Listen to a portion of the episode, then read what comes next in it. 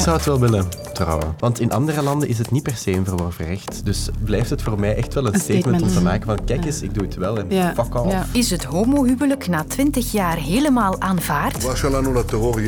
Israël neemt nieuwe, strenge maatregelen na de twee aanslagen van de voorbije dagen. Hoe is het een van de bloedigste maanden geworden in het conflict tussen Israël en de Palestijnen? Een vleeshal in de middeleeuwen, dat zal ook zo Voilà. chic niet geweest Ja, ja, ja, zijn, denk ik. Ik denk dat ook. Ja. Daar hingen karkassen te rotten. Hè. En uit te, uit te vlees. druipen. En wat mag je doen met historische gebouwen? Oei, oei, oei, oei, fietsenstalling alleen. Nee, dit is een podcast, Het Kwartier. Ik ben Sophie van der Donkt en ik trap de nieuwe week op gang.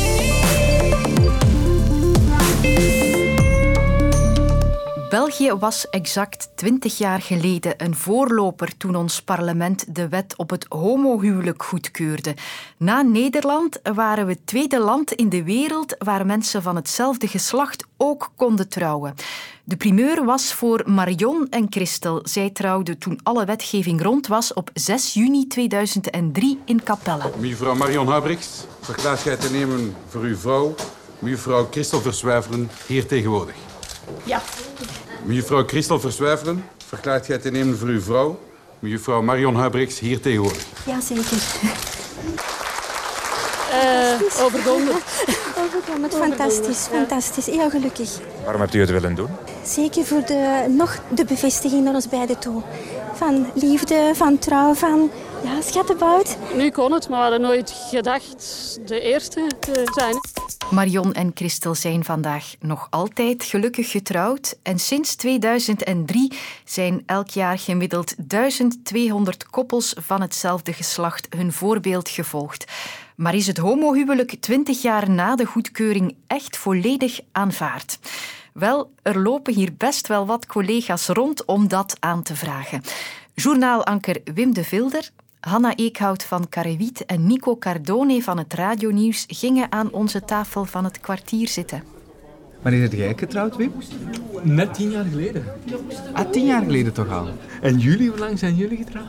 Eh, van 17, dus zes jaar in juli. Ah ja, is dit jaar vijf jaar. vijf jaar. Ja. Wij zijn getrouwd door de eh, schepen van gelijke kansen, die dan heel graag met ons op de foto wou. Om daarna mee uit te pakken op haar sociale media. Wij zijn getrouwd door, de, ja, door een iets oudere schepen. En het was duidelijk bij hem dat het de allereerste keer was dat hij twee mannen moest trouwen. En hij had zo van die tekstjes die hem al duidelijk 15 jaar bij elk huwelijk opdramde. En hij had die ook niet aangepast. Dus hij zei om de zoveel tijd ja. En dan als man en vrouw, al ja, man en man in jullie geval dan. En dat was wel zo een beetje ongemakkelijk. En op het einde van de trouw heeft hij zelfs gezegd... Ja, bij een normaal huwelijk geven we... Ja, inderdaad. Bij een normaal huwelijk geven wij de bruid altijd een roos. Maar ja, hier is geen bruid. Dus we hebben even overlegd wat we dan moeten doen. En we hebben dan maar beslist om, om geen roos te geven. Dat is wel een bizarre Ja. conversatie, ja. Heel veel vrienden van ons, vriendinnen van ons trouwen niet, omdat ze de nood niet zien. Ik vond het superbelangrijk om te trouwen, gewoon omdat het kan, om dat te erkennen, hoe dankbaar ik daarvoor ben dat dat in België kan. Ook bij ons was het een bewuste keuze om dat zowel voor onszelf als voor de buitenwereld heel duidelijk te maken, maar ook omdat het gewoon de beste vorm van bescherming is tegenover elkaar, nog altijd. Maar dat is gewoon de wet, eh, die heel belangrijk is uiteraard. Maar er zijn wel heel veel kleine dingen in de praktijk waaraan dat je wel nog merkt dat de hele samenleving nog heel heteronormatief denkt. Op restaurant de vraag krijgen of we samen afrekenen of apart. Het zit hem soms in kleine dingen. Hè. Inderdaad, zo, eh, formulieren bij de gemeenten of, of formulieren van de overheid of van een energiebedrijf, waar dan automatisch al meneer en mevrouw staat ingevuld. Maar als we dan gaan vragen, is het aanvaard? Ik denk wel dat het heel erg aanvaard is. Ik heb toen ik ging trouwen geen enkele negatieve reactie gekregen. Maar het klopt wel dat we op dat gebied soms wel nog een paar dingetjes eens moeten rechtzetten af en toe, denk ik. En toch denk ik dat we al een enorme weg hebben Ja, afgelegd. Dat vooral, is enorm snel gegaan. Als ik een paar decennia terugkijk en ik kan dat, dan, dan moet ik echt wel concluderen dat we razendsnel geëvolueerd zijn eigenlijk. Ik heb daarnet nog eens de kaart erbij genomen van waar het homohuwelijk bestaat. Ja, dat is duidelijk het Westen. Hè. Dat is Europa, dat is de Amerika's. En dan Zuid-Afrika en, en Australië. Maar, maar verder bestaat het nergens. Dus ik probeer toch altijd heel erg voor ogen te houden hoeveel chance, hoeveel geluk ik heb dat ik hier leef en dat het hier wel kan. Ja. En dat is ook wel deels te danken aan de beleidsmakers van toen, van 20 jaar geleden.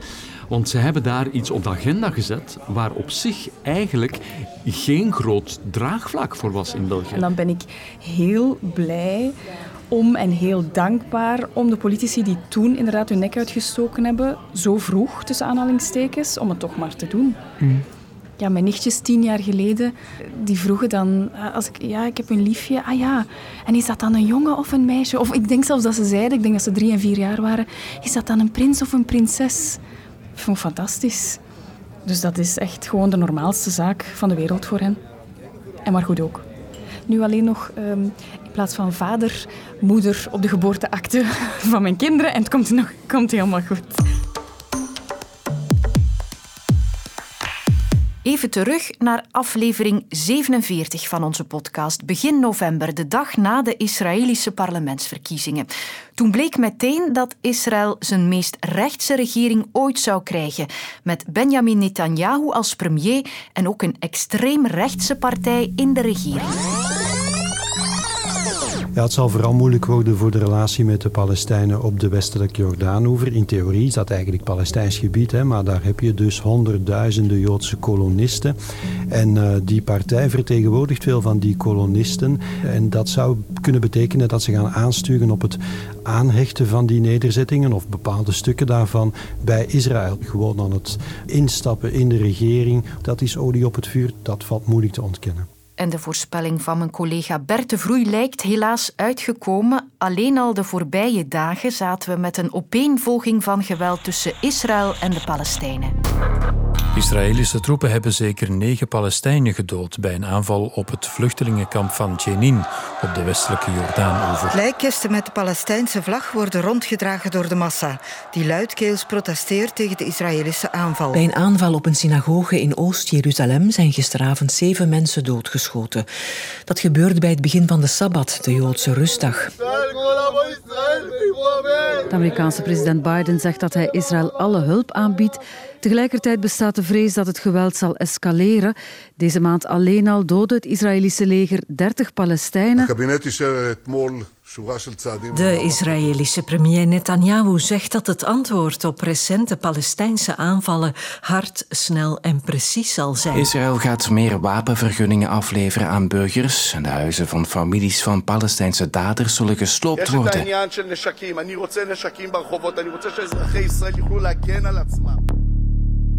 Ja, Bert de Vroei, je zit hier terug voor een update. Want ja, deze maand is een van de bloedigste gebleken in dit conflict in lange tijd. Hoe zijn we op dit nieuwe kookpunt aanbeland? Het is de klassieke geweldspiraal en dan is het altijd moeilijk om een beginpunt te kiezen van waar dat begonnen is. Maar je zou kunnen zeggen dat als je terugkijkt op de voorbije 15 20 jaar dat er heel weinig stappen gezet zijn in het vredesproces. En dat betekent dat vooral voor de Palestijnen de situatie uitzichtlozer is geworden. Terwijl Israël is doorgegaan met de vestiging van Joodse nederzettingen op de westelijke Jordaanoever, wat eigenlijk Palestijns gebied is. Dus toenemende uitzichtloosheid voor de Palestijnen. Eigen Palestijnse regering die bijzonder zwak is, onder leiding van een oude bejaarde president Abbas. Steeds minder populair. Dan zie je dat de populariteit toeneemt van radicalere Palestijnse bewegingen, Hamas en Jihad. Hamas die ook in Gaza aan de macht is. Dat maakt Israël dan weer bang. Wanneer ze merken dat er gewapende groepen, gewapende cellen van Hamas beginnen te ontstaan of van jihad, voelen ze zich genoodzaakt om daar hard tegen op te treden. En dan krijg je dat soort gewelddadige reeds zoals vorige week in Jenin. Maar dan krijg je eigenlijk ook die geweldspiraal. Voeg daarbij ook het geweld van Joodse kolonisten, dus burgers, niet het leger, burgers, die ook wel gewelddadig optreden tegen de bezittingen op zijn minst van Palestijnen op de Westbank en soms ook tegen Palestijnse mensen.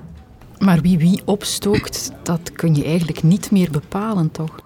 Nee, eigenlijk allebei. En het is wel zo, denk ik, dat de, de boodschap van deze nieuwe regering, die nu net eh, een paar weken geleden is aangetreden, heel agressief is. En inderdaad ook voor de Palestijnen een signaal uitstuurt. Denk maar niet dat wij iets minder zullen investeren in die Joodse nederzettingen. Integendeel, een aantal figuren in die uh, regering, een aantal ministers zijn zelf kolonisten, wonen op de Westbank. Uh, ben Gvir bijvoorbeeld, de minister van Nationale Veiligheid. Uitgerekend hij krijgt die belangrijke portefeuille. Spelen ook met ideeën over annexatie, het aanhechten van stukken van de Westbank bij Israël, wat compleet zou ingaan tegen alle internationale afspraken. Maar dat zijn natuurlijk signalen die nog meer de Palestijnen de indruk geven dat er absoluut niks meer te verwachten valt van gesprekken of onderhandelingen, dat zij compleet worden weggedrukt. In een uitzichtloze situatie zit je met radicalisering aan twee kanten. Dankjewel Bert.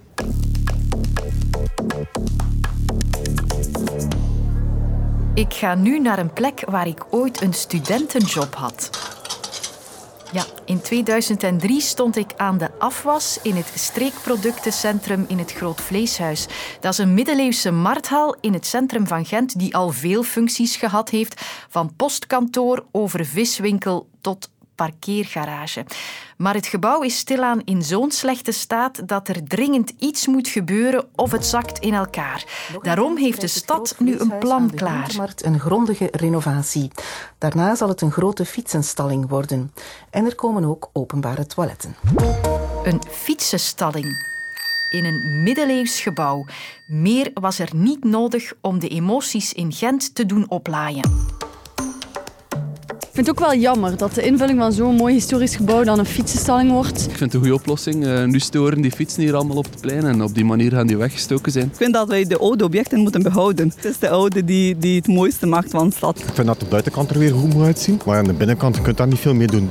Tenzij dat ze dat weer verkopen voor groot waarnis, maar dat, dat is toch nog minder, vind ik. En het vleeshuis is geen uniek geval. De commotie rond de lift tegen het Gravensteen, de uitbreidingsplannen voor het stadhuis van Leuven en het ontwerp voor de Boerentoren in Antwerpen. Als het over erfgoed gaat, staan we nogal snel op onze achterste poten. Waarom liggen aanpassingen aan historische gebouwen zo gevoelig? En wat mogen we wel of niet doen met ons erfgoed? Ik heb het gevraagd aan twee mensen met een passie voor steden en oude stenen. Dat zijn Stijn Oosterlink. Ik ben uh, stadssocioloog aan de Universiteit van Antwerpen en ik hou mij onder meer bezig met de stadsvernieuwing. En stadsgids Lutgard de Pape. Zeg maar Lut, want als je Lutgard zegt, weet ik niet dat het tegen mij is. Ik vind dat het Groot Vleeshuis meer waarde heeft, historisch, dan gewoon om daar wat fietsen te gaan inhangen. Om verschillende redenen is zo'n fietsenstalling denk ik wel een goed idee. Enerzijds omdat je denk ik, naar structurele aanpassing van het gebouw niet zo heel veel moet doen. Dus je kan het gebouw en zijn structuren behouden zoals ze zijn. En bovendien denk ik dat je een fietsenstalling aansluit bij de functie of die het gebouw eigenlijk historisch gezien altijd al gehad heeft. Het gaat niet om een kasteel, het gaat om een marktgal. Een gebouw dat altijd al een dienst geleverd heeft aan de stad. Maar een fietsenstalling is, is denk ik in lijn met dat dienstig karakter van het gebouw. Ik heb niets tegen de invulling van oude historische gebouwen, want op die manier blijven ze ook echt bestaan. Maar om daar zo een doodgewone fietsenstalling, pff, nee, dat zegt mij echt niets. In de jaren 50 en 60, in de hoogdagen van de, van de moderne stedenbouw, hadden we eigenlijk alleen maar aandacht voor de moderne functie van gebouwen. En hadden eigenlijk heel weinig aandacht voor de historische, symbolische waarde van gebouwen. En dat is sindsdien, sinds eind jaren 60, langzaamaan beginnen keren, waarbij men eigenlijk meer dan voordien doorhad dat mensen daar een soort trots uit halen, dat dat een soort samenhorigheid in de lokale gemeenschap creëert. Die gevoeligheid rond die, rond die erfgoedwaarde, de symbolische waarde van die gebouwen is de voorbije decennia gewoon erg gegroeid. Mensen die kijken eigenlijk vanaf een zekere leeftijd graag terug. Jongeren die hebben alleen toekomst voor zich en die gaan daar veel gemakkelijker mee om. Maar oudere mensen die kijken heel graag terug. En ook, moet eerlijk zijn, als je zoveel historische gebouwen hebt, zoals de stad Gent er heeft, hè, zijt je toch best van er een beetje zorg voor te dragen. Hè? We komen wel niet altijd in het verhaal van Vlaanderen, maar goed, we zijn er wel. Hè? Men had ooit de plannen bijvoorbeeld om het Centraal Station in Antwerpen af te breken, omdat dat gebouw ja, niet meer de functie had als, als voorheen. Zo zijn er heel wat dossiers en ik denk dat dit misschien wel een beetje de slinger is die terugslaat en zegt van ja, we moeten dat toch niet, niet gaan doen. Waardoor misschien toch inderdaad wel een beetje een te grote gevoeligheid ontstaat, waarbij er nauwelijks nog iets aangepast zou kunnen worden. Terwijl ja, we hebben natuurlijk heel wat oude gebouwen. Het is kostelijk om die allemaal te gaan renoveren, dus men moet wel op zoek gaan naar allerlei moderne functies. Er zijn oudere kerken waar de lijzen komt. Er zijn kerken waar een foodmarket geïnstalleerd is.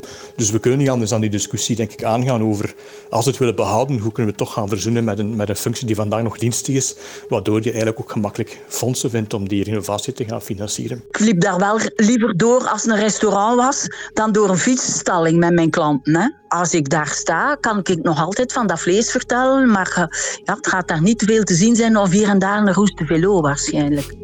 Maar de afwas doen in het groot vleeshuis in Gent, dat was voor mij toch minder aangenaam dan werken aan deze podcast. Dus tot morgen. Luister ook naar Planeet Frank, waarin weerman Frank de Bozere een antwoord geeft op al jouw vragen over het klimaat. Nu in de app van VRT Max.